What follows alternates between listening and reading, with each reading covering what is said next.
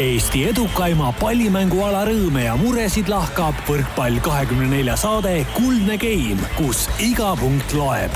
taustajõuna hoiab mängul hoogus ees Kredit kakskümmend neli tere taas, head võrkpallisõbrad! taskuhäälingu saade Kuldne Game tervitab kõiki kuulajaid Vabaduse puiesteelt Manta majast oma juubeliosaga, sest eetrisse läheb nüüd ja praegu meie kümnes saade elus on mingid reeglid, mingi korrapärasus, mis võib meile küll mitte meeldida, aga mis on paratamatu. ja nii tuleb Karin Aldol taas tere hommikust öelda kaassaatejuhile Uku Rummile. tere, Uku, ma rohkem ei soovigi alustuseks midagi rääkida, sest ma tean, et sa võtad niikuinii saate jooksul kõvasti sõna.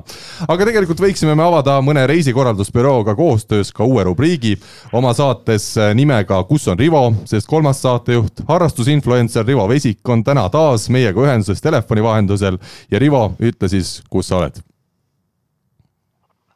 tere, ma olen äh, hetkel olümpialinnas Sotšis.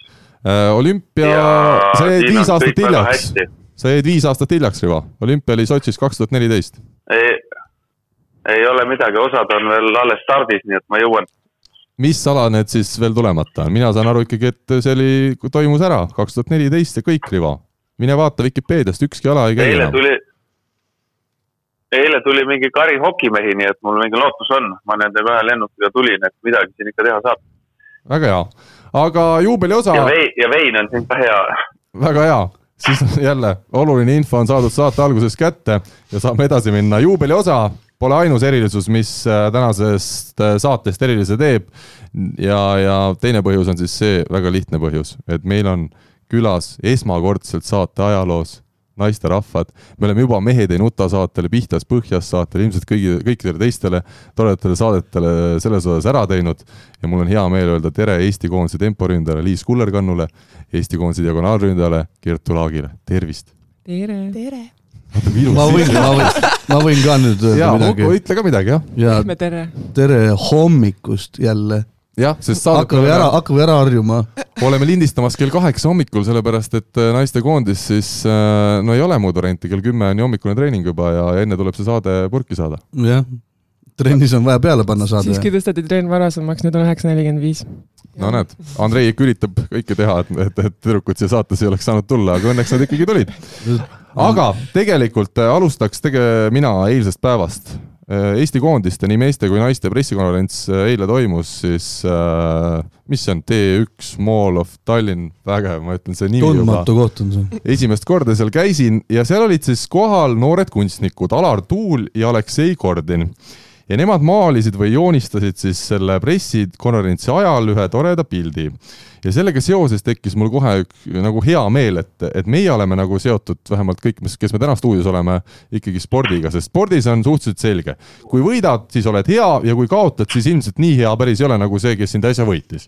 aga kunstis need noored, need noored tegid sellise toreda pildi, mida on võimalik soovijatel vaadata kas või võrkpall24.ee portaalist ja ma hakkasin mõtlema, et miks mina kunagi kunstnikuks ei hakanud, et kunstiõpetus oli mul koolis kolm miinus, sest õpetaja ei hinnanud minu taieseid just eriti kõrgelt, samuti ei teinud seda keegi teine teine, aga samas ta ikkagi tundis, et ma peaks järgmisse klassi edasi saama igal aastal. ja, ja õpetaja sai paraku ka alati aru, kui ma viisin kodutööna talle oma vanaema tehtud äh, pildi, kes tõesti oskas joonistada. et piku, pika jutu lõpetuseks, kas mina sain nüüd midagi valesti aru või, või kuidas teile see, see pilt, see, see pilt meeldis?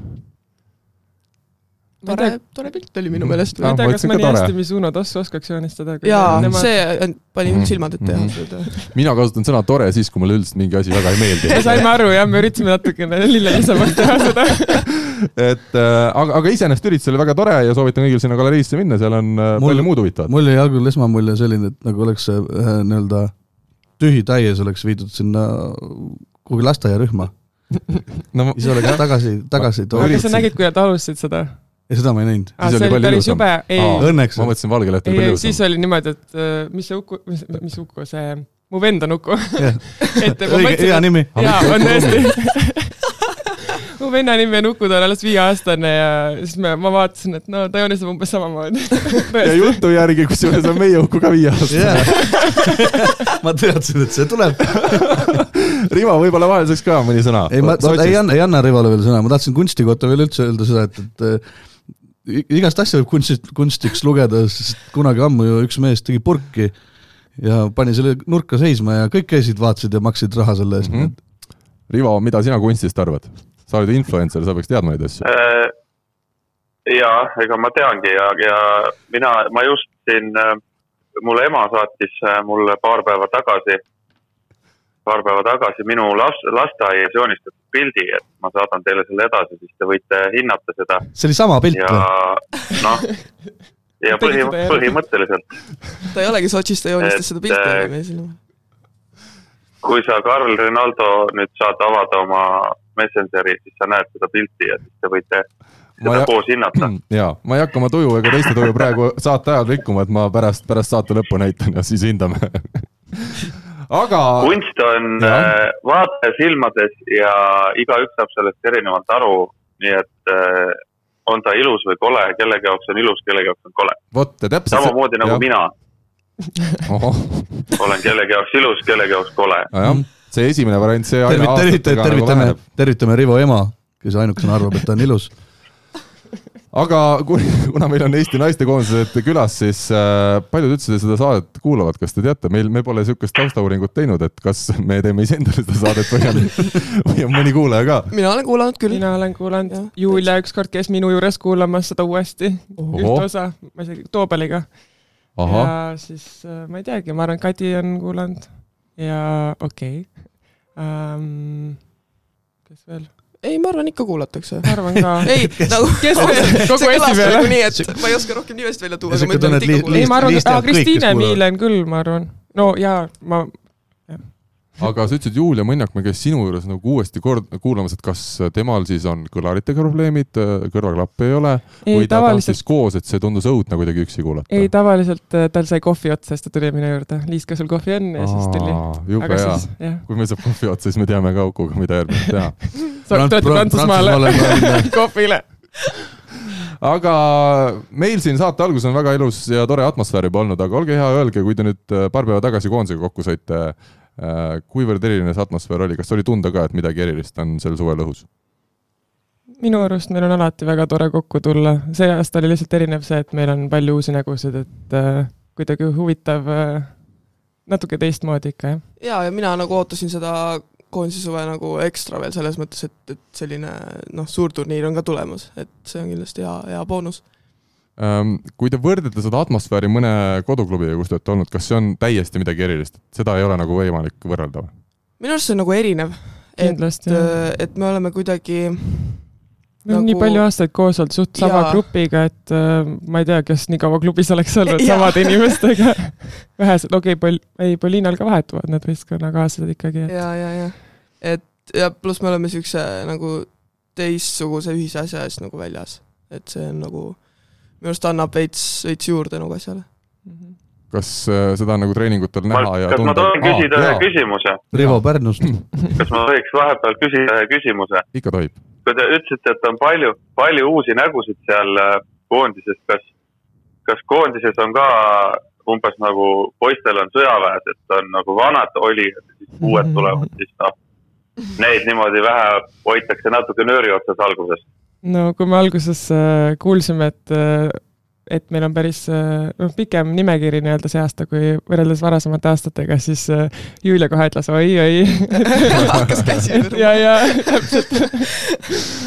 aga ei, minu arust nad on selles mõttes väga nagu väga hea esmamulje jätnud igatahes, et, et ei pea neid midagi seal nööri otsas hoidma.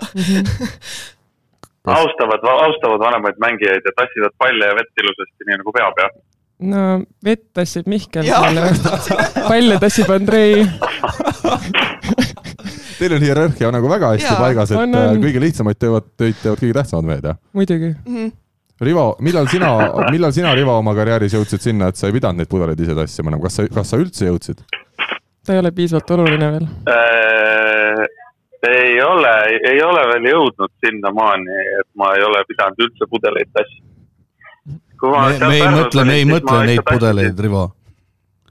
spordist Ei. räägime. taarat ma, taarat ma viin harva. aga, aga Pärnus, noh, ega mul seal muud teha ei olnud, kõhulihaseid ja pudeleid tassida. ja pärast tuli ikka ise edasi tassida, sest rannas ei olnud kedagi, kes tassib. Kristjanit ma proovisin ära rääkida, aga ta ei olnud nõus kuidagi. no Kristjan, Kristjan tassis teie mängu, ma saan aru, rannas, et sa pidid siis äh, mingeid muid asju tassima. nojah, ütleme nii, et asjad olid paigas. tüdrukud juba surevad siin stuudios. aga ma arvan, et see on okei okay., meie saade ongi selline, et siin võib vahepeal siit lõpuks ellu jääda. hommik vara ka. aga mm, kui me tuleme natukene personaalsemaks ja, ja ütleme saate teises pooles läheme, tuleme tagasi koondise juurde, siis ma alustaksin Liisist, sina oled Keilast pärit, kuidas juhtus nii, et Keilast üks inimene hakkas võrkpalli mängima? miks? Ma ei oska öelda, ausalt. ma alustasin kergejõustikuga, tegin umbes üheksa aastat ja Kadi proovis ka kergejõustikku, õde, kui keegi ei tea. et talle üldse ei meeldinud, aga siis ta käiski mingi kõik, kõik Keila trennid läbi, mingi tantsutrennis ja suusatrennis ja siis ta ei leidnud midagi, mis talle väga meeldiks ja siis äh, sel hetkel Kadi käis veel Keilas algkoolis mu arust ja ma olin gümnaasiumisse just läinud ja siis äh, seal oli juhuslikult võrkpallitrenn ja siis äh, palus mul küsida, et millal need toimuvad ja et kas saaks proovida, siis mõtlesin, et ma lähen ka kaasa ja siis kuidagi alguses tegin äh, hästi nagu kergejõustiku kõrvalt seda, aga mingi hetk siis äh, otsustasin, et äh, ei, ma sain kutse sinna Audentesesse ja siis ma mõtlesin, et okei okay,, et äkki on aeg, aeg muuta, et äh, võrkpalli need äh, väljavaated tundusid paremad ja siiamaani ei kahetse otsust. kas sa selle pikkuse olid tolleks hetkeks kätte saanud, kui sa võrkpallitrenni läksid, et see oli nagu üks ajendeid või?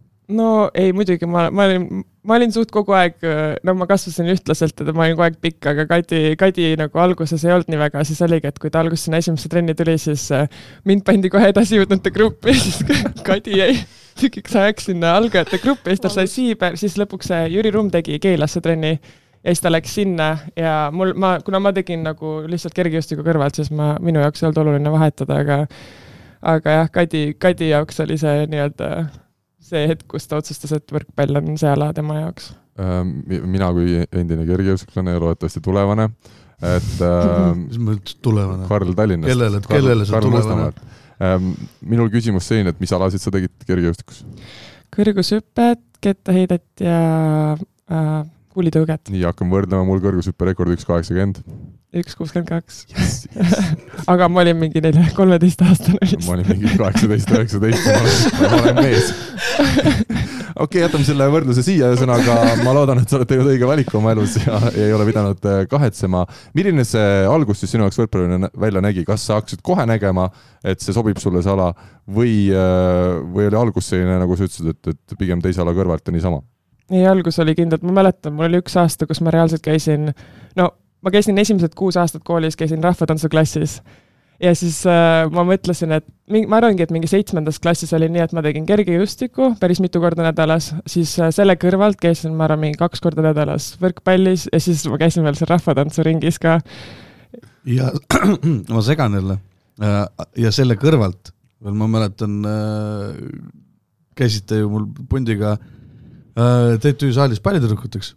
jaa, aga ma arvan, et see oli veits hiljem. kõige, kõige, kõige pikem, pikem äh, pallitüdruk Eestis, pikem kui mängijad. jah. aa, ja siis ma käisin veel loomasõprade ringis ka Tallinna Loomaaia juures, nii et ma olin päris äh, tihe graafik seal koolis sa, koolis sa vist ei käinud, kui vaadates, palju sul muid tegevusi oli no kui jõudsin, siis käisin. ähm,? nagu me kõik. väga hea, aga kui hilja sa selle temporindaja kohani jõudsid, kas see tuli sul suhteliselt alguses tänu pikkusele ja kasvule või see tuli millalgi hiljem? See oli Peeter Vahtra nägemuse järgi vist kohe alguses, aga Ameerikas kohe muudeti ümber. see, see vist väga ei, nii-öelda Peeter Vahtra oli siis veel koondise treener, et see talle väga ei sobinud, et mind äh, diagonaaliks tehti.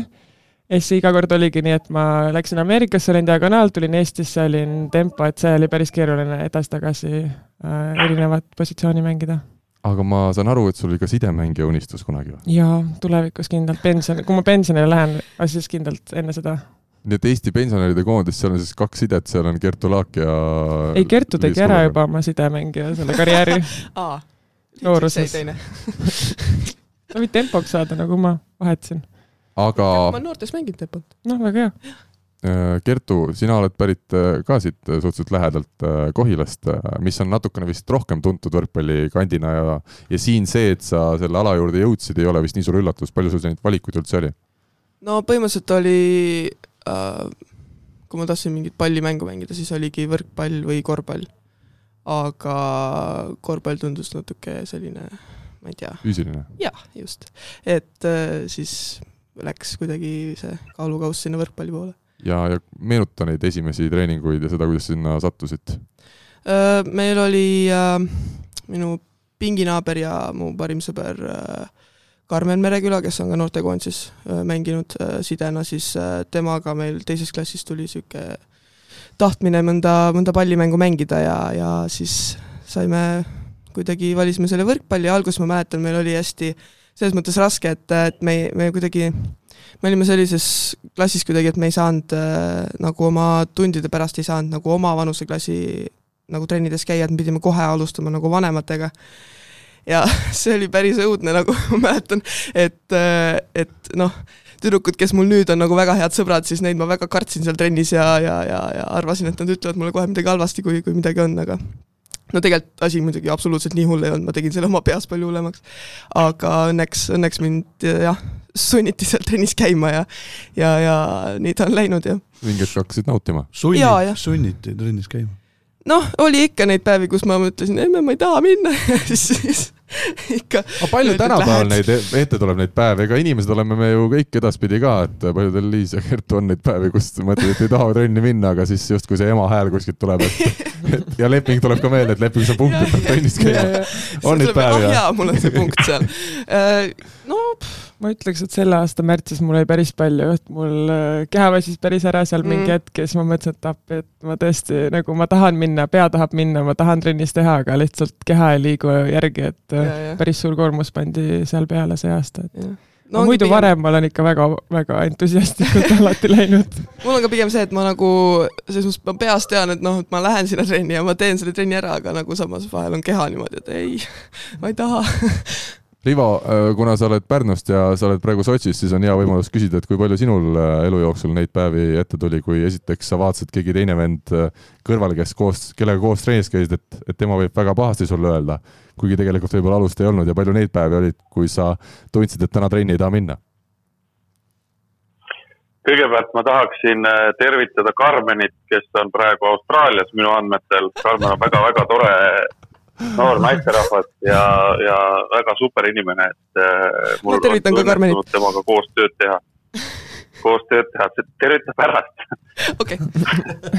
et äh, aga minul, äh, kusjuures minul oli üks hetk kogu oma karjääride juures päris ikka sedasi, et ma servis mängisin siis Selveris ja mul oli vastu, või mul oli nagu nii, et mul oli keha juba katki, enne kui ma oma selja ära tõmbasin esimest korda põlved olid nii valusad ja ei tahtnud kehatrenni minna, ei tahtnud peaga trenni minna, et ma ikka sundisin ennast päris kõvasti. ja see kõik kulmineerus sellega, et umbes kuu aega sellist äh, piinamist ja, ja kaks diski alaseljast välja, nii et, äh, et oli, oli üsna raske hetk, äh, kus pea oli tugevam kui keha ja sundis minema, aga keha ütles lõpuks, et ei, aitab küll ja lülitas ennast välja, aga ma usun, et kõigil on selliseid momente, kus nad ei taha minna mm. -hmm. see noor, noor, noorena oli siis paar senti pikem. Äh, jah, ma olen kaks null kaheksateist. Kaks null kaheksateist või? jah. ahah, see on see on rekordiline täpsus. kas, äh, palju sa täna hommikul olid? Äh, kaks null null täpselt. väga hea täpselt kaks meetrit.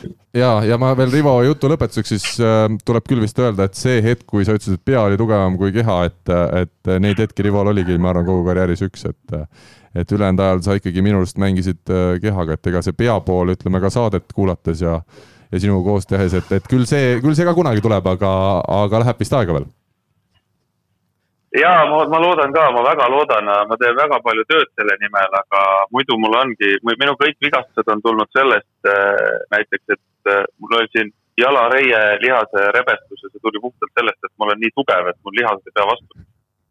Hästi. sa oled rannavalle Chuck Norris põhimõtteliselt jah. et kui su käest küsitakse, kui su käest küsitakse, mitu kätte kõverdad, siis sinu vastus on, ma teen kõik ära või? jah, ja kümme peale aga tuleme tagasi tänase saate teema juurde, ehk siis Eesti naistekoondis ja Eesti naisvõrkpallurid. liiskume sinu karjääri, no siin ma arvan, et see tund, mis meil on tänaseks saateks planeeritud, et kui ma hakkaks sinu karjäärist rääkima, siis äh, läheks õhtuni välja ja õhtusesse trenni ka ilmselt ei jõuaks, aga kui sa nüüd oma sellest pikast karjäärist, sa oled mänginud siis, eks ole, Euroopas, Ameerika Ühendriikides ja Aasias äh, midagi erilist välja võtaksid, mis koht see oleks? Ja, ja oskad sa midagi sellist äh, super erilist kohe mõelda, et mis kindlasti jääb nagu elu lõpuni meelde või? ma arvan, et see mu, eks esimene hooaeg, no ma Ameerikat ei loe muidugi oma nii-öelda karjääri osaks, sest ma, see oli pigem haridusele suunatud ja noh, see, et saab siit noh, väiksest Eestist veits eemale ja ei, muidugi see võrkpall lõpuks oli ka ikkagi minu jaoks väga oluline, sest ma alustasin võrkpalliga nii hilja, et ma ei, mul see põhitase nii-öelda ei olnud nii kõva, et äh, minna kuskile profina mängima, aga just see Ameerikas saadud nii-öelda põhi äh, aitas mul kindlasti siiani jõuda, aga ma ütlekski siis, et see esimene kogemus välismaal ehk siis Filipiinid olid äh,, olid ilmselt äh, kõige erilisemad minu jaoks ja see jäävad alatiseks meelde juba see, et see oli lihtsalt, no oligi, et täiesti erinev koge-, kogemus Aasias ja äh, et fännid seal on täiesti hullud ja no see, kuidas seal trenni tehakse ja et noh, tihti tulevad välismängijad seal vigastustega tagasi, nagu kadi pealt oli näha, aga, aga noh, eks ise, isegi sai seal no Lõhutud. ütleme nii, et ei olnud kõige lihtsam jah, et aga üldiselt no inimesed olid nii toredad ja et üldiselt jääb ikka positiivselt meelde see kogemus. aga tase? Tase, no kohalike tase ei ole nii hea, aga nad toovad, äh, noh, nad, neil võib olla kaks välismängijat äh, võistkonnas. minu, siis kui ma olin seal, siis olid, kõik olid põhimõtteliselt ameeriklased.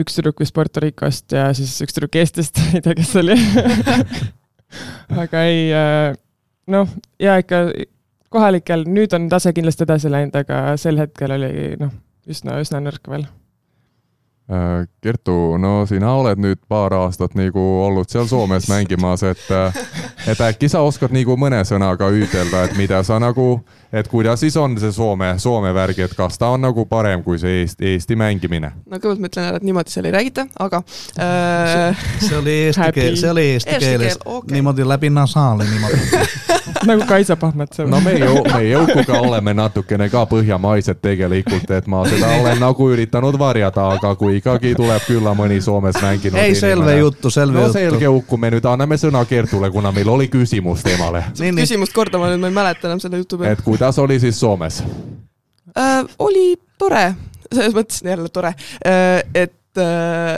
et kindlasti taseme võrra kindlasti kõrgem kui Eesti, Eesti tase on, et äh, liiga tase just, et äh, ja pluss ma tunnen, et ma sain füüsiliselt seal ka võimsamaks, et, äh, et see oli kindlasti üks äh, üks äh, asi, mida ma otsisin nagu oma esimestelt äh, välishooaegadelt, et äh, ja selle ma, selle ma kindlasti ka sain, aga, aga nüüd ma arvan, et see, see aeg on läbi sealt Soomest. kui ma õigesti mäletan, kas oli teil lausa kuus-seitse välismaalast see hooaeg või?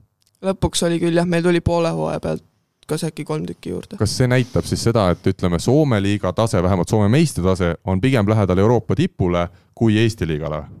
et seal on ikkagi väga, väga tõsine see värk no seal on kindlasti klubidel selles mõttes rohkem võimalusi nagu välismaalasi kindlasti nagu appi võtta, aga, aga on ka tiime, kellel on üks-kaks välismängijat, selles mõttes seal on küll, no ütleme, see tase oli see aasta suht võrdne nagu klubide vahel, aga aga ma arvan, et Euroopa tipule selles mõttes väga lähedal siiski veel ei ole, et et noh, näiteks meil äh, eelmise hooaja meister Hämeenlinna mängis nüüd see hooaeg mängis seda meistrite liiga alagruppi, äh, kus neil muidugi loosiga vedas ka, neil oli seal Türgi klubi ja, ja, ja Venemaa superliiga klubi. sa seda ei vedanud? vedas. vedas ikkagi? said mängida nende vastu. selles, selles suhtes, aa okei okay,, jaa. et, äh, et noh, seal tuli see tasemevahe ikka kindlasti välja, et aga, aga ma arvan, et selles mõttes Eestist äh, kuskile järgmise või noh, veel Soomest järgmise taseme leidmiseks, äh, see Soome on kindlasti hea vaheetapp nagu. Äh, kui sa enda mängu hindad, sa oled nüüd äh, teist hooaega mängisid, eks ole, Soomes? Äh, kuidas, äh, kuidas sulle nagu tundub see, sa ütlesid, sa oled edasi arenenud, aga millise rolli sa ütleme Soomes äh, endale tänaseks oled, oled teinud, et sa olid seal ikkagi põhiline rünnakuliider, ütleme parimas naiskonnas. kas pärast hooaja lõppu ja juba hooaja lõpu eel olid kõik klubid helistasid ja küsisid, et Kertu, et ole hea, tule meile järgmiseks aastaks ei, no nii päris ei olnud, aga noh, alguses, kui ma selle lepingu nendega tegin, siis, siis ma nagu lootsin võib-olla rohkem seda, et ma saan nagu kogenumatelt sealt nagu õppida ka, aga kokkuvõttes need mõlemad aastad olid suht noor tiim meil ikkagi, et, et siis, siis ma sain nagu sellise liidripositsiooni seal omale niimoodi lambist. pidid ise õpetama hakkama hoopis? no lõpus juba küll jah, et, et meil olid päris no ikka välismaalased ka siis olid noored või? No minust paar aastat vanemad küll, aga, aga siiski nagu suht, suht noored, et et äh, selles mõttes see, et ma selle liidrirolli otseselt komistasin, et, et see tuli kindlasti ka kasuks, et äh, mis sul siis järgmine niisugune samm võiks olla, mida sa ise ootad ja loodad? Äh, ma ei tea, palju sul nüüd ütleme, pakkumisi juba täna laual üldse on? või on sul juba paigas midagi või? ei, paigas ei ole, et ma, ma noh, on variante äh, erinevatest nagu kohtadest, aga aga eks neid tuleb veits, veits kaaluda ja vaadata, noh, selles mõttes prioriteedid mul kindlasti järgmiseks hooajaks oleks nagu nagu ma lootsin ka Salolt, et, et selline koht, kus saaks nagu trennides äh, vaadata kellelgi nagu alt üles ja, ja siis äh, nagu õppida ka seal rohkem, äh, et kas või noh, kui oleks mingi kõvem koht, kuhu minna, et olla siis kas või teine diagonaal, et, et midagi no selline uus positsioon ka minu jaoks kindlasti oleks palju raha sinu jaoks äh, mängib rolli klubi valimisel, kas see on nii-öelda primaarne või sa vaatad kõike muud enne? ma vaatan kõike muud enne, täiesti ausalt, et, äh, et äh, ma arvan, et raha hakkan siis koguma, kui kui sideks tagasi lähen või ma ei tea midagi sellist. siis sa võid olla teine side minu järel. okei okay. pensionäride tiimis aga mm, ütleme, mis see, mis see unistus siis on, unistus on naiste võrkpallis äh, Itaalia, Türgi või mm,? Minu jaoks võib-olla on, no Itaalia kindlasti ja siis võib-olla Poola on ka hästi selline äh, atraktiivne minu jaoks olnud nagu viimasel ajal, et, äh, et äh, mine tea. aga ütleme, nende, nendesse liigadesse sa see hooaeg veel ei usu, et see pakkumine võib tulla või sa ei välista, et ütleme, kasvõi nendest äh, Itaaliast, Poolast võiks midagi tekkida? no kui, siis mingi tagumise otsa klubi äkki, aga noh, eks, eks me näe Liis, sina mängisid tänavu, ma nüüd ütlen peast kusjuures, Van Dövre Le Nancy's, on, on õige hääldus või? ongi jah? nojah. mis ma ikka teen? sa said aru, sa said aru vähemalt? sain aru muidugi, jah. parem kui Soome hääldus. saad sa aru, Karlil on öö magamata. ei ole, ei ole, Uku, ära aja vale juttu no kui sa kirjutad mulle pool viis hommikul ma ärkasin üles pool viis, mul ettevalmistuseks vaja ju teha saateks. kas sa saad ise tuldud? no no aga, no aga ma. et mul on vaja hääldust harjutada aga oota, küsimus oli mul ka. Kuidas see Prantsusmaa hooaeg välja nägi, ma mäletan, kui te Anu Ennokiga hooaja alguses sinna läksite, siis tundus suht kaootiline kogu see värk, et kas ta lõpuks oli, said nagu klubi asjad kõik joonde või, või, või läks edasi samamoodi? Um,? ei kumbki, ma ütleks, et läks pigem kaootilisemaks. Aga mis oli see tasakaalustav äh, faktor nii-öelda, oli siis see, et kui Julia tuli, et see natukene mind aitas äh, seal nii-öelda maha rahustada ja kuidagi jah, muutus mugavamaks asi ja et äh, ei olnud midagi nii hullu, aga eks ma pean näiteks täna suht juba ära ütlema neile, kas ma lähen järgmine aeg tagasi ja ma ei tea, kas te saite mu hääletooni järgi aru, mis mu otsuseks saab, aga. tore okay. sõnadena. aga kas midagi head ka oli? Ikka oli, ei, minu jaoks oligi see, noh, mulle meeldib äh, muutus nii-öelda, et äh, ma arvan, et kui ma olekski Pariisi näiteks jäänud, et mul praegu see, noh, see tänane otsus nii-öelda on suht sarnane, et äh, kas ma jään sinna, kus ma tean, mis on, kui, ühesõnaga, ütleks alguses, et ükski koht ei ole ideaalne, et kas ma jään sinna kohta, kus ma tean, mis need probleemid on või lähen uude kohta ja võib-olla seal on uued probleemid, aga seal on ka uued nii-öelda kogemused või õppetunnid või uued inimesed, nii-öelda sõbrad, kes saavad sõpradeks ja nii edasi. eluliselt siis on? eluliselt, et ma, ma, mulle pigem meeldib see muutus, et, et kokkuvõttes ma arvan, et mu see Pariisi ja Nancy kogemus oli suht sarnane, aga mul just Säärid eile küsis, et kas, kas ma kahetsen umbes vahetumist või et kuidas ma võrdleks ja et kas ma oleks tahtnud pigem jääda või ma ei kahetse üldse, mulle see muutus meeldib, okei okay,, ei olnud ideaalne, aga ei ole, mitte kuskil ei ole, ma arvan, et äh, selles mõttes oli täiesti okei okay hooaeg Jär, järgmiseks hooajaks on juba mingid asjad silmapiiril?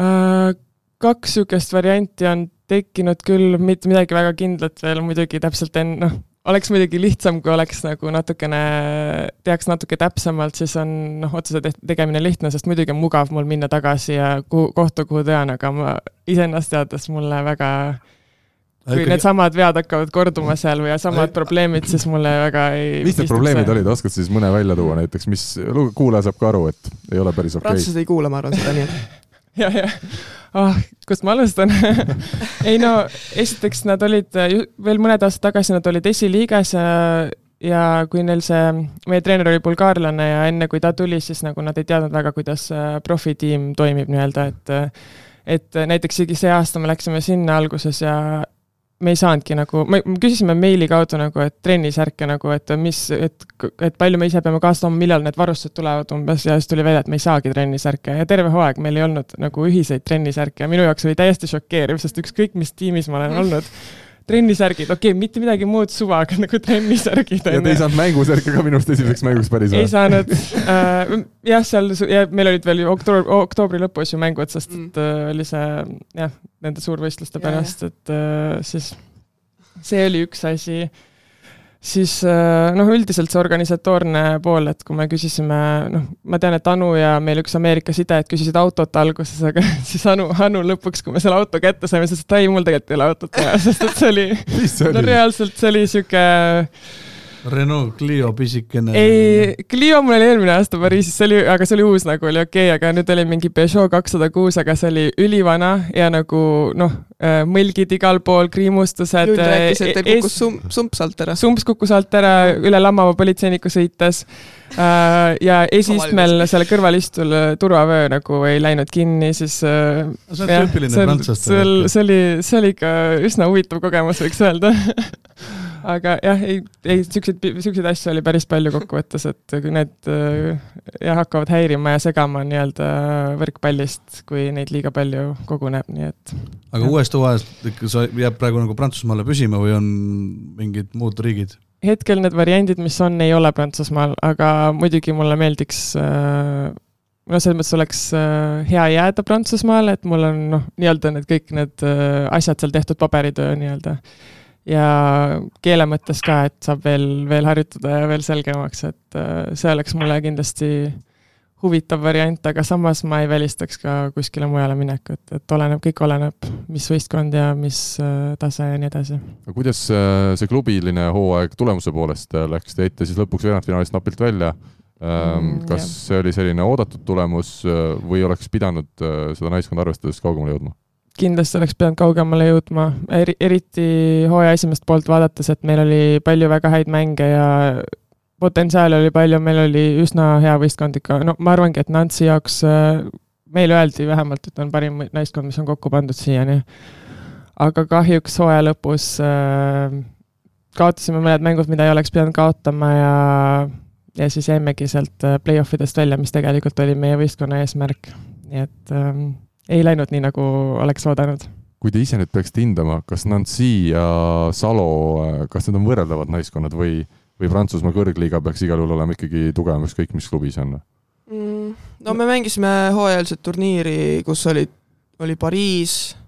Mulhouse. jah äh,, nend-, no Pariisiga me mängisime vähe paremini, aga Mulhouse'it me saime Mulhouse oli see aasta korralikult tappa. ülitugev, aga ei saanud karikas midagi, ei saanud no, äh, meistriliigas midagi, et see oli päris huvitav aeg äh, selles mõttes, aga Pariisiga mängisime suht võrdselt, tegime ikkagi ära neile mõlemad korrad. ikka kaotasime. Aga, aga jaa, et selles mõttes see on võib-olla võrreldav, et nad mängisid Pariisi vastu, aga samas see on eelhooaeg ka, et see on veits äh, jaa, see on veits teine asi, sest meil tulid pooled, pooled põhikoosseisu mängijad, meil tulid alles poole hooaja pealt, nii et mm -hmm Rivo Pärnust, äh, kuidas äh, vahepeal Sotšis mõtted liiguvad?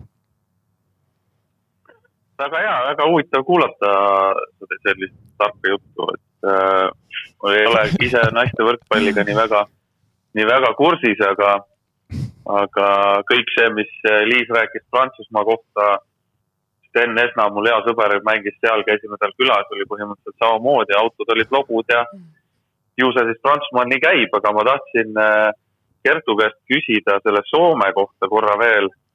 et äh, kui sa võrdled noh, Eesti võistkondade füüsilist ettevalmistust naiste puhul just ja Soome omade, et kui suur vahe see on? et kui me räägime näiteks Audentese noorte, noorte tüdrukute koondisest või noorte siis võistkonnast, on ju. et kui palju pandi seal rõhku füüsilise ettevalmistusele, et kui, kui, kui saab seda võrrelda üldse niimoodi? Äh, ma, minu jaoks need on nagu, see ettevalmistus oli nagu erinev, et et võib-olla see oleneb ka nagu vanusest, aga, aga igatahes, kui ma Audenteses olin ja, ja seal nagu sellega nagu ÜKE-ga tegelesin, siis oligi nagu, nagu ÜKE rohkem, et see ei olnud nagu selline niivõrd nagu jõutreening, vaid see oligi selline, ma ei tea, kehaline ettevalmistus, et Mm, kõhulihased. ühesõnaga, ühesõnaga ei ole võrreld-, tegelikult ei ole võrreld-, ei ole võrreldatav. ei ole ausalt No. öeldes, et, et Soomes me ikkagi tegime nagu sellist rohkem, eriti nagu hooaja sees me tegime rohkem sellist plahvatuslikku nagu jõudu ja ja, ja selles mõttes äh, korduste arvud olid veits väiksemad ja, ja niimoodi, et et äh, Audentese ajal noh, muidugi meil need nagu seal spordigümnaasiumis need äh, jõutreenerid ka vahetusid, aga neil kõigil oli ikkagi selline noh, kerelihased ja sellised äh, võib-olla pikemad jooksud või sellised, et, et see oli nagu, nagu seal rohkem see teema. aga kas, kui, kui sa mõtled tagasi nüüd sellele ajale, et noh, minu idee järgi võiks neid pikemaid jookse ja, ja kerelihaseid kergelt hakata treenima juba enne seda, kui, kui inimene tuleb Audentesesse, et eh, kas, kas on nagu see, et Eestis võib-olla on natuke see noorte füüsiline ettevalmistus eh, jäänud lohisema? et, et noh, nii palju, kui mina nägin Audentesest, on ju, siis paljud noored tulid, tulid Audentesesse ja neile hakati põhimõtteliselt õpetama, et kuidas teha kükke või kuidas teha mingeid väljaasteid ja mingeid selliseid asju mm. -hmm. et mis minu peas juba võiks sellel ajal olla enam-vähem selge mm. -hmm. et võib-olla on see üks koht, kus Eesti nagu noortevõrkpall, mis meil eelmine nädal oli ka jutuks, on ju, et on tehniliselt vähe probleemne, et ka sealt võiks natuke juurde panna, et see areng toimuks vähe kiiremini jaa, sest et no mina läksin muidugi Audentesse suht vara, ma läksin sinna juba seitsmendasse klassi, et et selles mõttes ma alustasin nagu selle süsteemiga suht varakult, aga aga oma koduklubis ma mäletan, meil nagu see äh, jõutreeningu pool tuli, tuli nagu noh, normaalsemalt käsitlusele nagu ütleme, kui mina olin noorteklassi juba lõpetamas, et, et siis nagu hakkas treener ka ütlema, et noh, et kaks korda nädalas võiksite jõusaali ka jõuda, kui, kui viitsite või umbes nii, okei okay,, noh, mitte päris nii, aga aga et, et selles mõttes küll ma arvan, et, et kõigis klubides kindlasti see ei ole nagu noh, ma ei ütle, et ta peaks prioriteet olema, aga samas seda võiks nagu võib-olla tõesti vähe rohkem rõhutada, et et eriti kui, kui me räägime, et on need noorteturniirid on ju kolm päeva järjest, et et selline jõutreening pluss nagu need taastumisasjad, mis võiks ka Audenteses olla paremad, või nagu need aitaks kindlasti kaasa sellistele nagu pikkadele turniiridele ja ja, ja noh, oma selles mõttes, kui ma seal üheksakümmend kaheksa koondises mängisin, siis siis päris paljud olid meil seal ikkagi katki, et, et see kindlasti on tingitud millestki, mis on nagu jäänud tegemata ja nagu Rivo ütles ka, et see ei pea olema see, et sa kaheteistaastasena võtad raske kangi kätte ja, ja. ja hakkad tegema vaid mingid juurdeviivad harjutused, et sa nagu õpid kas või oma keha raskusega neid asju tegema, saad mm. mingi põhja alla. Rivo, oled nõus? ja, ja täpselt ja teine pool ongi see taastumine, et, et kui sul on ikkagi selline, noh, me oleme käs, käsitlenud ka seda teemat natuke, et kui sul on ikkagi selline poiss-tüdruk, on ju, kes mängib sul põhimõtteliselt C-klassi viimast aastat, B-klassi ja A-klassi ka mm. -hmm. ja kui ta kütab neid kolmepäevaseid turniire, siis on noh, ilmselge, et noore inimese keha ei pea mingi hetk vastu. ja selles ja, mõttes. kui teda ei aidata ka kuidagi, teda ei aidata kuidagi selle koha pealt, et noh, paned oma reedest pühapäevani turniiri ära, saad seal sada nelikümmend tõstet, on ju, ja esmaspäeva õhtul lähed uuesti trenni, täiesti tavalise trenni, et siis sealt, sealt tulevadki vigastused, noh, see on loogiline ja ega treenerid ka seda väga muutma ei hakka, sellepärast et äh, treeneritele oleneb ju nii-öelda sissetulek sellest nii-öelda, mis need tulemused on nii C mm., B kui A-klassis, noh. ja Ta mul mängib- ma saan aru jaa, aga, aga kui, jaa, aga kuidagi võiks mõelda nagu selle, nagu vähe pikemalt ette ka, et kui see tüüp nüüd läheb või tüdruk läheb ära, on ju, peale A-klassi ja on hirmus koondise kandidaat ja kõik asjad ja, aga samas on ta nii puruks, et teda peab hakkama ravima kohe, siis, siis see, see ju ei, pikas perspektiivis ta ju ei mõju või siis ei mõtle üldse nagu noortetreenerid pikas perspektiivis midagi. Aga mis mind huvitab veel selle füüsisega seotu-, seoses, äh, Anatoli Kuprijanovitš, Eesti siis äh, noortetüdrukute äh, praegu koondise treener, kellega mängite ka EM-valikturniiri, mida tema ka rõhutas, sedasama füüsist. ja, ja mis mind nagu huvitab, ongi just see, et ähm, et kuidagi, see on väga karm, karmilt või, või kuidagi valusalt võib-olla öeldud, aga, aga kui me vaatame neid Eesti kas või naiste meistriliiga mängijaid, sa näed kohe noh, tihti nagu pealevaates, et see, et see inimene ei ole füüsiliselt, ta ei ole nagu valmis selleks mänguks üldse, et, et kuidagi ei hoita minu arust oma keha eest ei, ei hoita nagu nii hoolt, nagu kui me vaatame kasvõi mees me,, mehi, me vaatame kasvõi esiliigat, seal on mõned mehed on ikkagi nagu tippsportlase vormis, sest nende jaoks see kehaline ettevalmistus on niivõrd oluline, see on nagu loomulik osa, et kui me vaatame naiste võrkpalli, minul on nagu tekkinud küsimus, et aga, aga miks need naised ei, ei, ei, ei, ei treeni nagu nii tugevalt ja miks nad seda toitumist siis nii ei jälgi, kas teie oskate nagu seal sees olnuna seda kirjeldada, millest see võib olla tingitud? no minu esimene vastus oleks kohe see, et see ei ole profiliiga. et äh, noh, Eestis ongi see naistel nagu see probleem, et nad peavad seda töö kõrvalt tegema ja eks siis on võib-olla, ma ei tea, aga samamoodi noored tüdrukud, kui me vaatame neid samu mingeid noortekoondiseid, nad ei ole ka ma füüsilised. just tahtsin ka seda öelda, et see, et ei, see on jumala õige, ei olegi profiliiga mm., aga ei ole harjumust sees. Ei seda ole harjumust jaa. sees, et käia. Need, kes on osad, kes, kellel on harjumus, nad Mhm. käivadki ja noh, näha on, et, et Aga- inimene käib, aga ongi see, et, et mad-, maast madalast. Aga isegi need, noh, sa ütlesid, et ei ole profiliiga, aga kui on antud võimalus, et on treener ja saavad teha jõutrenni, siis tüdrukud teevad väga hea Mm, meelega jaa. kogu aeg on, noh, on põnevil, räägivad sellest, kui, kui ma tulen tagasi kuskilt välismaalt Mm. siis kogu aeg räägitakse, et aa, me oleme, et see aasta me tegime seda asja Mhm. või et noh, aga siis on vist toitumine. võimalus on olemas. teine asi on toitumine, mis on ju äärmiselt oluline. no aga võib-olla on sama asi, et ei ole jälle nagu, ei tea lihtsalt või ei ole seda noh, ressursse nii-öelda, et võib-olla Mhm. ongi, no meil on ka vahest käi-, käib, käivad siin nii-öelda toitumisspetsialistid või noh Mhm. mm -hmm. räägivad, kui räägivad asjast, et vahest võib-olla see tundub mõnele inimesele lihtsam, aga samas Vahe- nagu, kui sul oleks tuleb see informatsioon. see tulebki kõrvalt inimene, kes on nii-öelda, nii-öelda toitumisspetsialist, sest ta tuletab meelde. jah, tahvel va- tahvel šokolaadi enne magaminekut ei pruugi kõige paremini mõjuda, eks ole. et kui sul treener või keegi kogu aeg ütleb sul kõrvalt, vihjab midagi, siis see on nagu, on teine, see läheb ühest kõrvast sisse aga jah, tõesti, võib-olla tulebki, et äh, hoopis teistmoodi motivatsioon, et kui keegi tuleb, ütleb, et see aitab selline, need toidud või mm. peale trenni aitaks sul kaasa taastumisele või mis iganes, et äh, siis tekib nagu lisamotivatsioon, okei okay,, ma teen seda enda keha jaoks ja et äh, taastumise jaoks, mitte selleks, et ma ei tea, just sale olla või niimoodi, et võib-olla see on nende, teatud inimeste jaoks on see võib-olla suurem motivatsioon ja just seda on vaja kuulda. Aga läheme edasi ja tuleme nüüd koondise juurde, kuna meil on saade juba üle neljakümne minuti kestnud, siis äh, on, on aeg koondisest rääkida. kui me nüüd veel mõtleme sellele, mida ka saate alguses sai küsitud, et kuivõrd erinev see koondis teie jaoks on, ma küsisin alguses seda nii-öelda emotsiooni osas, nüüd ma küsin taseme osas, et kas täna Eesti naistekoondis äh, kahe tuhande üheksateistkümnenda aasta suve hakul on juba selline professionaalselt tegutsev võistkond, võib nii öelda? noh, või palju ütleme, puudu jääb sellisest äh, veel täielikult professionaalsest või, või tipp äh,, tipptasemest? ütleme praeguste trennide põhjal nagu väga, või noh, me ei saa päris täpselt seda hinnata, sest meil on pooled mängijad alles puudu et, et siis võid uuesti küsida. aga ma ütleks üldiselt, et koondisega ongi nii, et äh, see ei ole, sul ei ole nii pikka aega, et seal midagi Mhm. mm. nii-öelda koondises ehitada, et see on pigem see, mida mängijad äh, oma klubides teevad ja selle põhjal ma arvangi, et tänu sellele ongi koondis edasi läinud, et rohkem, üha rohkem mängijaid on hakanud mängima parematest liigades, paremates klubides.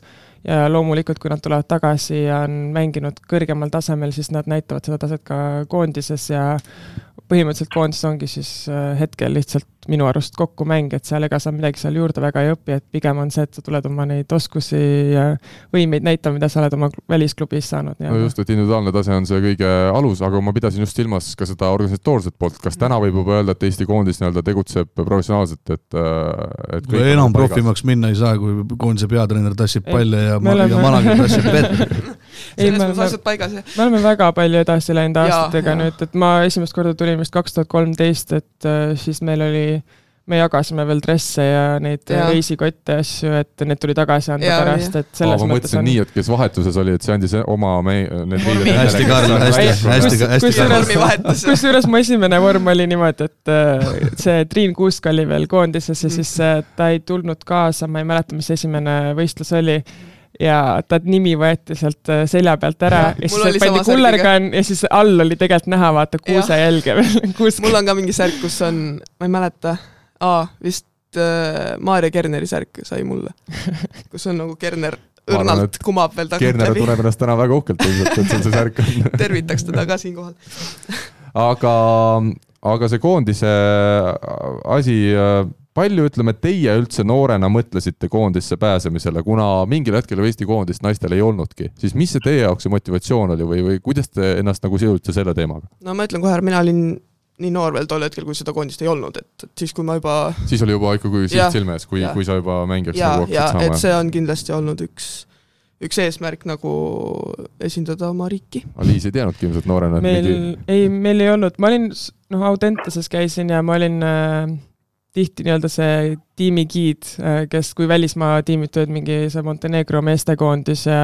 Taani naistekoondis, käisin kaks tuhat kaheksa vist oli mingi kvalifikatsioon, kui Eesti koondis korra kokku tuli naistekoondis. ja siis läks jälle lahku ja siis ma mhm. mäletan, et ma olin üsna nagu, see oli nagu motivatsioon hetkel, aga ma olin noh, mu tase, ma olin just alustanud võrkpalliga, et ma teadsin, et ma ei ole kindlalt seal tasemel mm, -hmm. aga nagu noh ikka on hea näha, mis tasemele sa võid jõuda või noh, kuhu sa võid jõuda ja kui on see koondis olemas, siis see on ikkagi motivatsioon, aga ma mäletan, kui pettunud ma olin, kui see kohe peale seda turniiri jälle lahku läks, et äh, kui ma olin Ameerikas ja kaks tuhat kolmteist äh, jälle noh, see koondis kokku tuli, siis ma olin küll, ma mäletan, et see andis nii palju motivatsiooni juurde ja sellist indu ja et äh, see on ikka hoopis teine asi, et see on väga oluline, et see on nähtav ja eriti noh, noortele tüdrukutele, ma arvan, et praegu see on väga hea eesmärk. ei no kui me üldse tahame, et Eesti naiste võrkpall kuhugi läheb, siis see koondis peab olema. muidugi. mille jaoks siis siis ei ole mõtet üldse midagi siin teha. ja tegelikult me ei pea üldse kaugele minema, võtame kas või aasta aega tagasi, kui me selleks EM-valikturniiriks hakkasime valmistuma. olge head, te olete seda muidugi varem erinevates intervjuudes ka rääkinud, aga mis teie enda ootused olid äh, ja kuivõrd äh, ütleme, uskumatuna lõpuks lõpptulemus EM-finaalturniirile pääsemine siis seda arvestades oli? no ma mäletan seda, kui, kui meile teatati, et äh, ma ei tea, kes meil seal alguses alagrupis pidi olema, aga et Tšehhi asendas. Slovakkia pidi ja, olema. et siis me mõtlesime küll, et no, et nüüd läks nüüd jälle tase kõrgemaks see asi, et, et äh, kui Tšehhi tuli, jah? jaa mm, -hmm. et äh, aga samas siis, kui me Tšehhi ära võitsime -hmm. Tallinnas, siis, äh, siis juba Hakkas muutus reaalseks ja, ja aga et alguses päris seda ei olnud, üldse te mõtlesite, et mm. okei okay,, et ideaalis võib-olla mingis unenäos võiks see juhtuda, aga mm, -hmm. aga et pigem reaalsuseks hakkas see muutuma siis, kui te saitegi esimesed võidud, võidud kätte? ma arvan, et meil oli pigem see, et no me, me oleme Rootsi ja Soomega nii palju mänginud mm -hmm. aastate jooksul ja üldiselt äh, me oleme, mu arust rohkem oleme peale jäänud meie võrreldes nagu noh, Soome ja Rootsiga aga noh, muidugi neil on ka võistkonna, Rootsis pannakse nüüd, äh, investeeritakse suht palju sinna oh, võistkonda ja et see Isabella Haag, et ta, ta ikka annab ka palju juurde ja ja soomlased samamoodi, neil on lihtsalt palju mängijaid pingilt võtta, noh, üldiselt rohkem kui meil. Ja, ja et äh, kunagi ei tea, mis, mis võistkond meile vastu tuleb tegelikult, et me üritasime lihtsalt äh, noh, Slovakkiaga me ei olnud kunagi mänginud, et siis äh, ei, ei olnud nagu, üritasime lihtsalt olla nagu ma-, kahe, kahe jalaga maa peale jääda ja ja noh, minna ja endast parim anda mm., äh, et ei ole, et me ei mõelnud, et ei, et see on võimatu või et see ei ole mm. võimatu, aga noh, aga jah, tõesti, kui see Tšehhi võit tuli, siis oli juba natukene reaalsem. ja ma arvan, et see nagu varasuvine see Euroopa liiga, kus me nagu tegelikult karastas, jah tegelikult me saime ju alagrupis väga hästi, või noh, mitte väga hästi, aga no saime hakkama, et saime sinna Final Fouri ja, ja seal nagu tuli see nii-öelda kooliraha maksmine, millest siin on juttu olnud, on ju, et, et siis see võib-olla ka nagu motiveeris veits lisaks, et Kindlasti, ja, ja pluss see andis sellise nagu suurte mängude võib-olla kogemusega alla, et äh, ma arvan, see tuli nagu pikas perspektiivis kindlasti kasuks. No mitte väga pikas, põhimõtteliselt No, pool aastat hiljem tulid teie finaalturniirile. jaa, et, et kindlasti siis me olime rohkem valmis nendeks, just nendeks jaanuarikuisteks mängudeks, mis nagu otsustasid palju. Eesti naistekoondise kuvand on see, et teil on uskumatult hea sisekliima. palju te omavahel tülitate, palju trennis tuleb seda ette, et keegi midagi treenerile ütleb või omavahel ei saa läbi, kas üldse tuleb seda ette? No trennis ma ei. ma ei tea, no niimoodi me vist küll ei ütle üksteisele. see on pigem naljaga, mingi eile kaardimängus oli ma, mul pea valutas ja Anna Pajula seal nokkis ja siis, siis oli pigem sihuke, ja aga see oli kõik sõbralik. see on järgmiseks päevaks unustatud. ja, ja kaardimäng ei ole mingi Andrei Ojametsa, ma saan aru, treeningfilosoofia tähtis osa, vaid need on siis õhtud, millega koondise perioodil kõige suuremad probleemid tekivad õhtuti ja. lauamängu õhtud on jah. See on see, kus need tülid tekivad. kuidas Andrei Ojamees treenerina on, kas teile ta sobib ja, ja, ja meeldib? mulle ta sobib jah, mis on Andrei tugevused? suhtlus? äh,.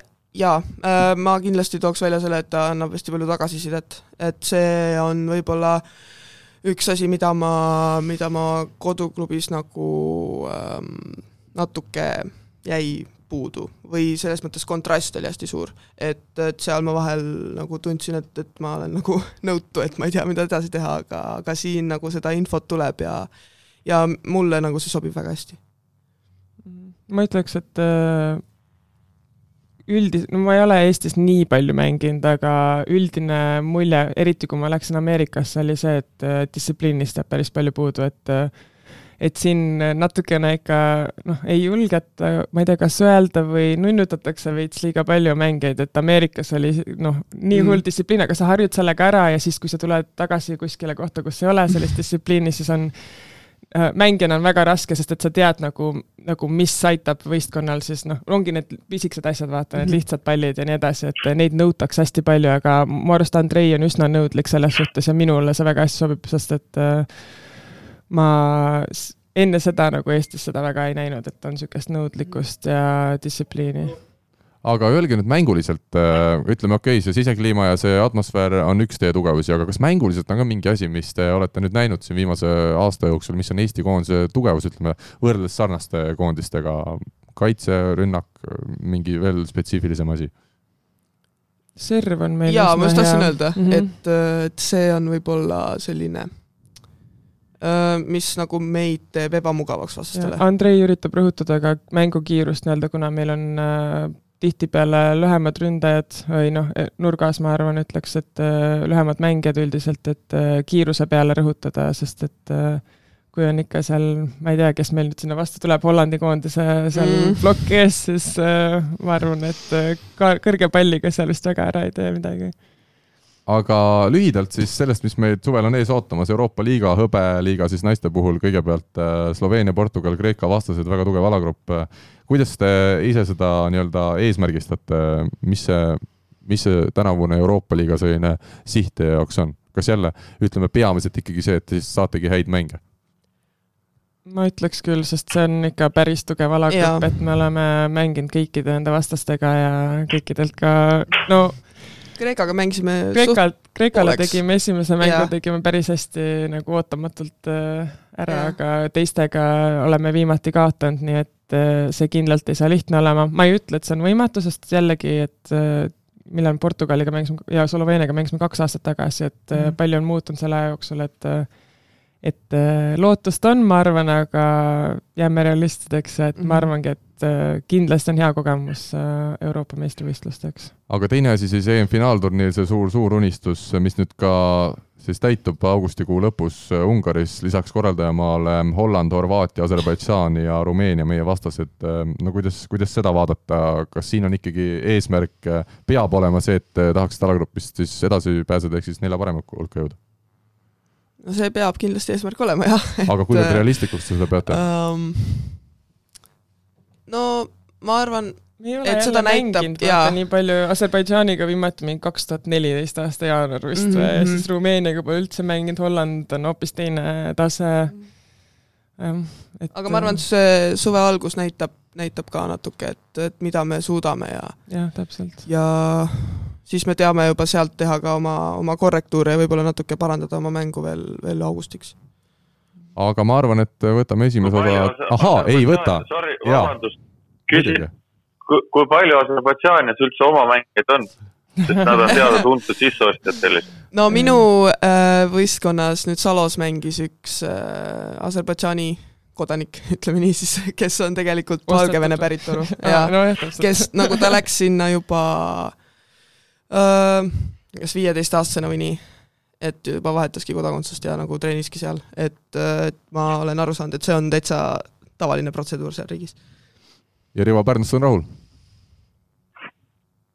Äh, ja ei noh, tean, et neil on hästi palju neid äh, sisse ostetud, küll neil oli seal ameeriklasi ja kes, keda kõike mm. veel, korvpallis vähemalt ja võrkpalli meestekoondises ka, et. aga hästi. et lihtsalt huvitas, palju neid on. tõmbame esimesele saateosale siis joone alla ja läheme järgmise juurde. Võrkpall kahekümne nelja küsimusmängu toetab Sportland nüüd siis aeg Sportlandi küsimusmängu käes ja me eelmisel nädalal küsisime, et millised kahe tuhande kolmeteistkümnendal aastal juunioride MM-finaalturniiril mänginud eestlased on hiljem ka Eesti rahvusmeeskonda ehk siis meie A-koondist esindanud ja õigeid vastuseid oli siis seekord lisaks Rene Teppanile neli tükki, Robert Täht, Andrei Aganits, Deniss Losnikov ja Kevin Soon, need mängijad, kes on hiljem ka A-koondisse jõudnud. õigeid vastajaid oli viisteist ja Liis ja Kertu kumb teist nüüd ütleb ühe ilusa numbri? ütle sina. ma ütlen jälle viis sulle. Liis ütleb number viis ja see on Helen Sillaots, nii et tervitame Helenit ja soovime palju õnne. Eesti koondise ametlik mängusärk on sinu oma ja koos siis numbri ja nimega vajadusel soovi korral selle sinuni edastame, aga uue nädala küsimus on meil pigem geograafiline. nagu me oleme ikkagi öelnud, meil on kogu pere saade, meil on üldhariv saade ja, ja rumalamaks me ei taha siin tunni aja jooksul jääda. ja seetõttu me küsime siis sellel nädalal sellist asja. milline jõgi läbib Kertu ja Liisi mõlemad siis kodulinna? et äh, nende kodulinnad. korraga? jah ei, jah, ja milline jõgi sealt läbi voolab. nii et äh, palume kõigil äh, neid huvitavaid vastuseid, loodetavasti peamiselt õigeid, äh, saata aadressile info at võrkpalli24.ee või võrkpalli24.ee Facebooki lehele. ja nädala pärast siis saame teada, kelle geograafia teadmised olid head ja kellele jälle Fortuna naeratas aga küsimusmängu osas selleks korraks kõik ja vaatame, mis meid saates veel ees ootab.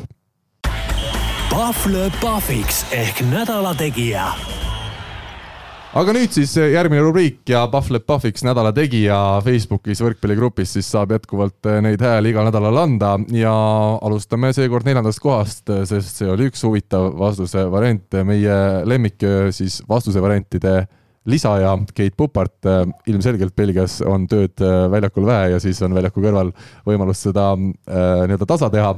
Ja pakkus siis tema välja Deniss Losnikov ja sulgudes Rakvere rivaal see sulgudes vastus on nagu Rakvere rivaal. ahah, ja ühesõnaga seda Lasnikov ei olnud sündinudki siis veel, kui see võistkond oli. ilmselt selles stsenaariumi võis ka paljuski seisneda. igatahes Deniss Lasnikovile õnnitleme siis neljanda koha puhul neli häält, need neli häält olid minu arust ka enamjaolt Eesti koondislastelt, nii et väärt mehed need hääled andsid, aga, aga esikolmikust ikkagi natukene puudu. kakskümmend häält äh, Timo Tammemaa, Maaseiki Greenyardi üks tänavusi liidreid, hetkel siis mängimas Belgia liiga finaalis. temast veel mõne sõnaga hiljem räägime. teine koht, äh, Ardo Kreek viiekümne seitsme häälega Pariisi Volle siis pääses eelmisel nädalal tagasi Prantsusmaa kõrgliigasse ja ilmselt tänu Ardo headele esitustele seal finaalis see teine koht tuli. Ja esikoht samal ajal kui Rivo Vesiku Sotšis hakkasid uksed paukuma, kaheksakümmend kaheksa häält ja Türgi liiga tänavune hõbemedalist Robert Täht. Ja Robert Tähest ma arvan, et me võiksimegi mõne sõna rääkida, Izmiri Arkas siis äh, Türgi liiga uskumatus finaalseerias kaotas Istanbuli Fenerbahcele otsustava viienda mängu null-kolm paraku, aga selle nädala sisse kuna hääletus ikkagi käib kogu nädala kohta, jäi ka eelmine mäng, kus Robert Täht oli siis oma meeskonna parim ja ja tegelikult Robilt väga kõva esimene hooaeg Türgi liigas, ma arvan iga saade me räägime Robist, siin midagi uut juurde lisada ei, tegelikult. aga mis me siis äh, Uku teeme, siis äh, Robert saab hõbeda okay. Türgis ja me hakkame rääkima, kuidas äh, Korotkov seal lõpetas hooaja kaks kuud tagasi, no ei saa ju. ei, jumala õige. Mis korrad aga ei, ma lihtsalt, ma lihtsalt ma lihtsalt mõtlen, ma lihtsalt, ma lihtsalt mõtlen, mida uut nagu veel juurde panna, et Robbie on tubli ja Jah. kuld oleks olnud kihvt ja teine finaalist koht on ka hea. rääkida, finaalist on ju rääkida Jaa. nii palju tegelikult, millised pöörded seal olid, kõigepealt null kaks seerias taha, siis null kaks kolmandas mängus taha, tundus, et see seeria on läbi ja, ja hõbe on käes.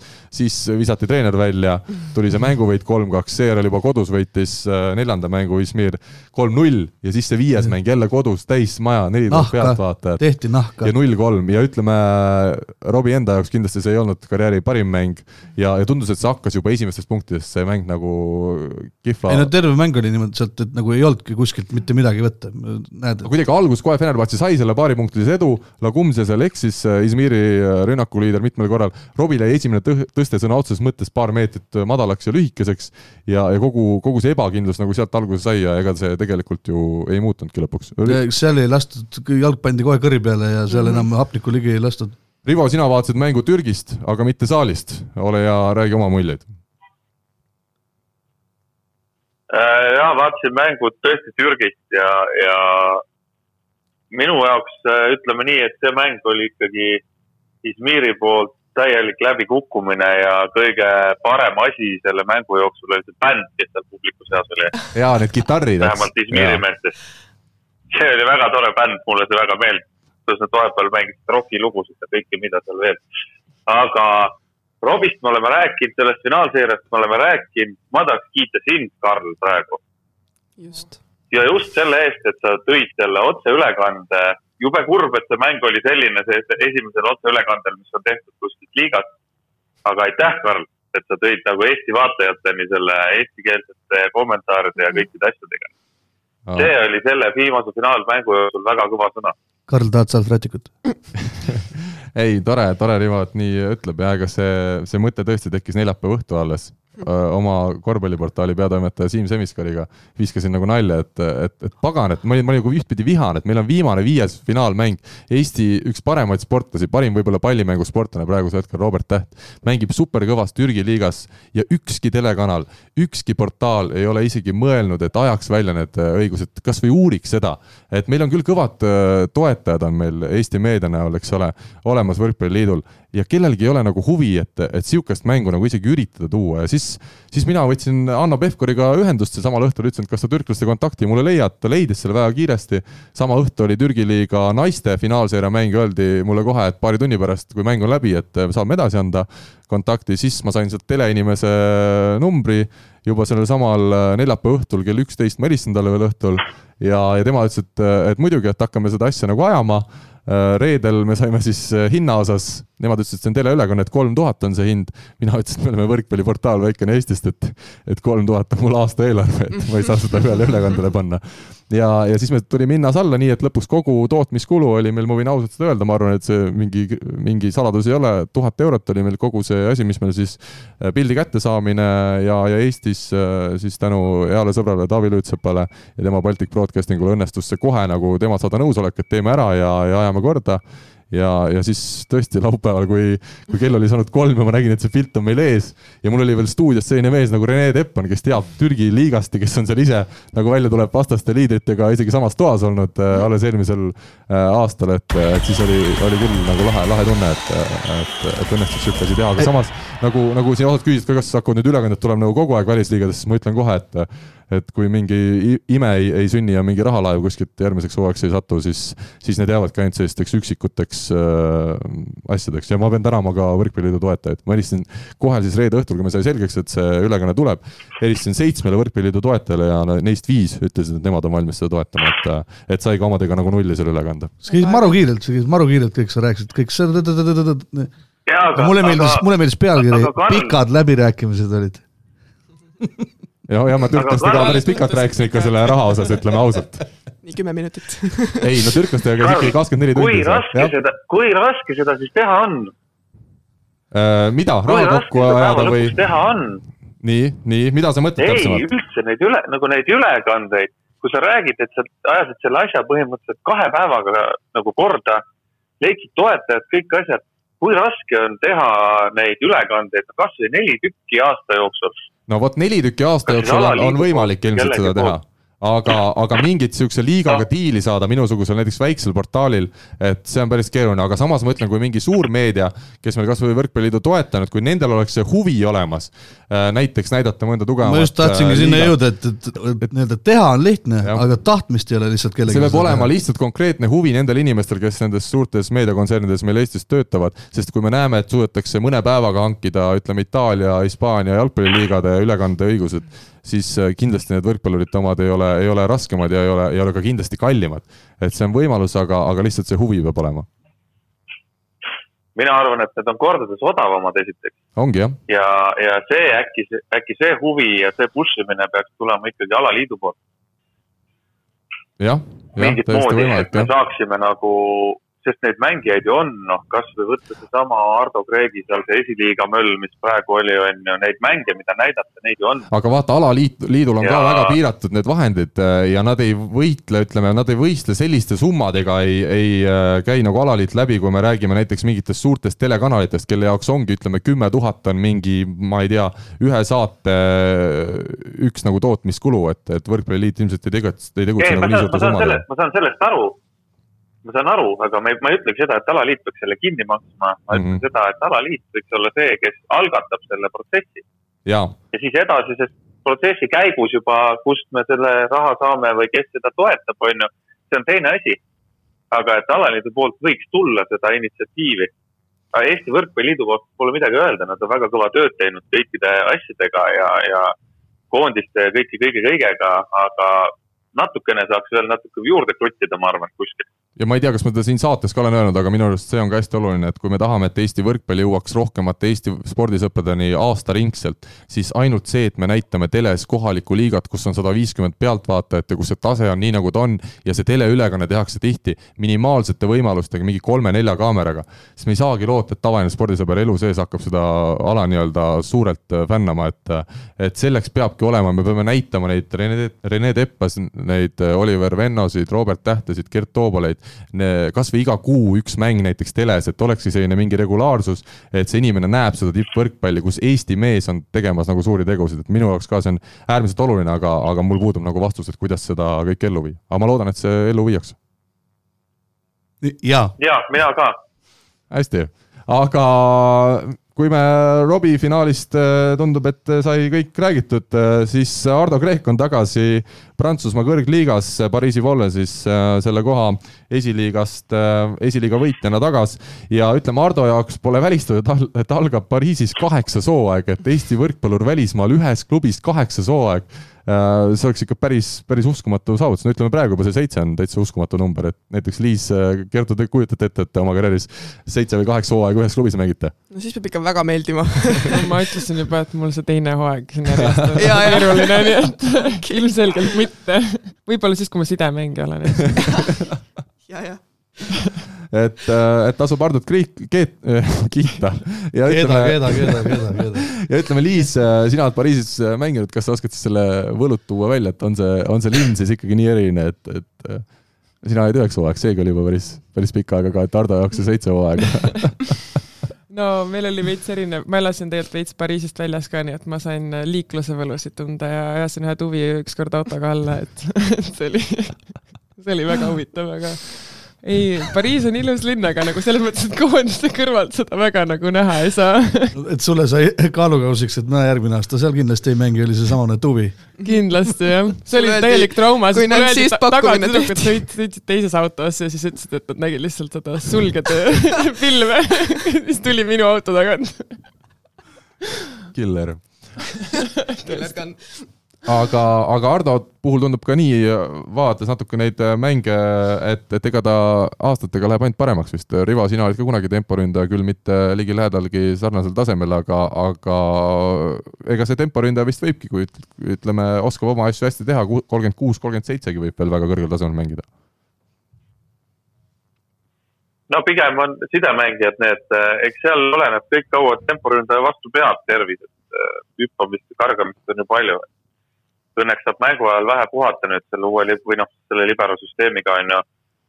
aga, aga rääkides Ardo, Ardo sellest, ta on nii pikalt seal olnud, siis eh, noh, ilmselt talle ongi, ilmselt talle sobib. võib-olla ta siis tuuseldas oma mingid kohad enne läbi, kui ta sinna läks. kui vana Ardo praegu on nüüd, kolmkümmend kolm? sellises vanuses ei tohi eetis rääkida üldse vanusest. on kolmkümmend kolm ja kaheksakümmend kuus sündinud, jah. vist. on kolmkümmend kolm, on ju? Et noh, kui ta kahekümne kuueselt sinna läks, ma ei tea, kus ta enne oli, mis ta enne tegi, ma ei mäleta täpselt, kas ta oli Eestis kogu aeg või on. ta on praegu veel kolmkümmend kaks, ma just ütlen. aga saab kolmkümmend kolm see aasta. ju ta siis leidis oma selle, selle koha, kus talle meeldib. et äh, noh no ja no, vanust, vanust vaadates näide, siis ei olegi mõtet hakata vahetama, kui seal on nagu kõik timm ja asjad toimivad ja laps ka vist seal. jaa, noh ilmselt äh, mida, mida vanemaks saab, seda pikemaid lepinguid üritatakse ka teha, on ju, klubidega, et, et see ka, see ka annab äh, natukene aega juurde, et äh, aga siit klubi muidugi üritab teha lühikest lepingut siit lähtuvalt äh, on siis Timo Tammemaa kõrval äh, Maasseki Greenyardis äh, Belgia esiklubis tulnud vigastuspausilt pikalt-pikalt tagasi ka Andri Aganits ja sai seal plokivahetuses kas vist teises finaalmängus ka paariks hetkeks juba väljakul, ütles, et seis on päris hea. Rivo, väga keeruline küsimus selle, Ardo Kreek, Timo Tammemaa, Andri Aganits koondises on väljakul kaks kohta teatavasti temporündajatele. oota, aga temposid on veel ju, Alex Saaremaa ja ja, ja ei, neid on palju muidugi ja, ja aga äh,, aga Rivo no,. siin on, siin on veel, Henry Treial on ju ka ju tegelikult olemas täitsa. ja, aga sa ei vastanud mu küsimusele. seal läheb kõvaks, seal läheb kõvaks madinaks, aga Seda täna ma pakun, on, täna ma pakun, on Timo ja Ardo, sest ikkagi Agal läheb ilmselt aega, et saada veel korralikku vormi.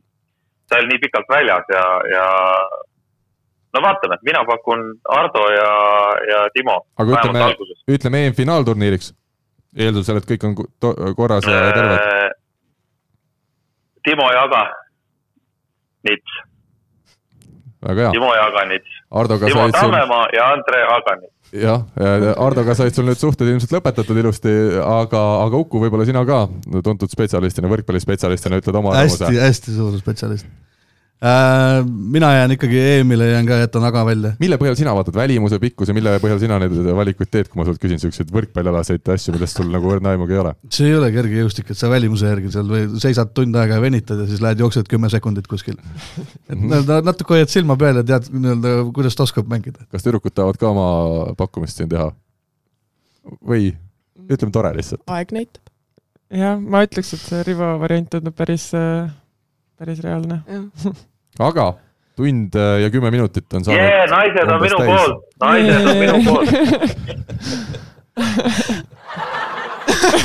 ja kasutasime korraks oma kalli ka, sest äh, milleks muidu see uus pill sai kalli raha eest ostetud, kui, kui kordagi seda naeru ei kasuta. igatahes mul oli suur au ja rõõm äh, siin stuudios täna tervitada Liis Kullerkannu ja Kertu Laaki, Eesti koondise põhitegijaid. kui mõni arvab, et naisterahvaid ei saa raadiosaatesse kutsuda, sest see läheb liiga igavaks, siis tänane, tänane saade tõestas küll vastupidist ja, ja soovime siis naistele kõike head ja paremat algavaks Euroopa hõbeliigaks ja loomulikult augustikuu lõpuks kõik, ma usun, meie saate kuulajad on augusti lõpuks juba Ungarisse oma piletid ostnud äh, ja jääme siis lootma, et see, et see ilus suvi tuleb lihtsalt selline, mida te ise suudate võimalikult palju nautida ja, ja tuleb ka ilusaid hetki sinna sisse. aitäh teile! suur tänu! meie täname ka kõiki kuulajaid omalt poolt, kohtume jälle nädala pärast, ilusat päeva jätku! Kuulmiseni! nägemist! Eesti kõige põnevamad podcastid on Delfis, kuula tasku.delfi.ee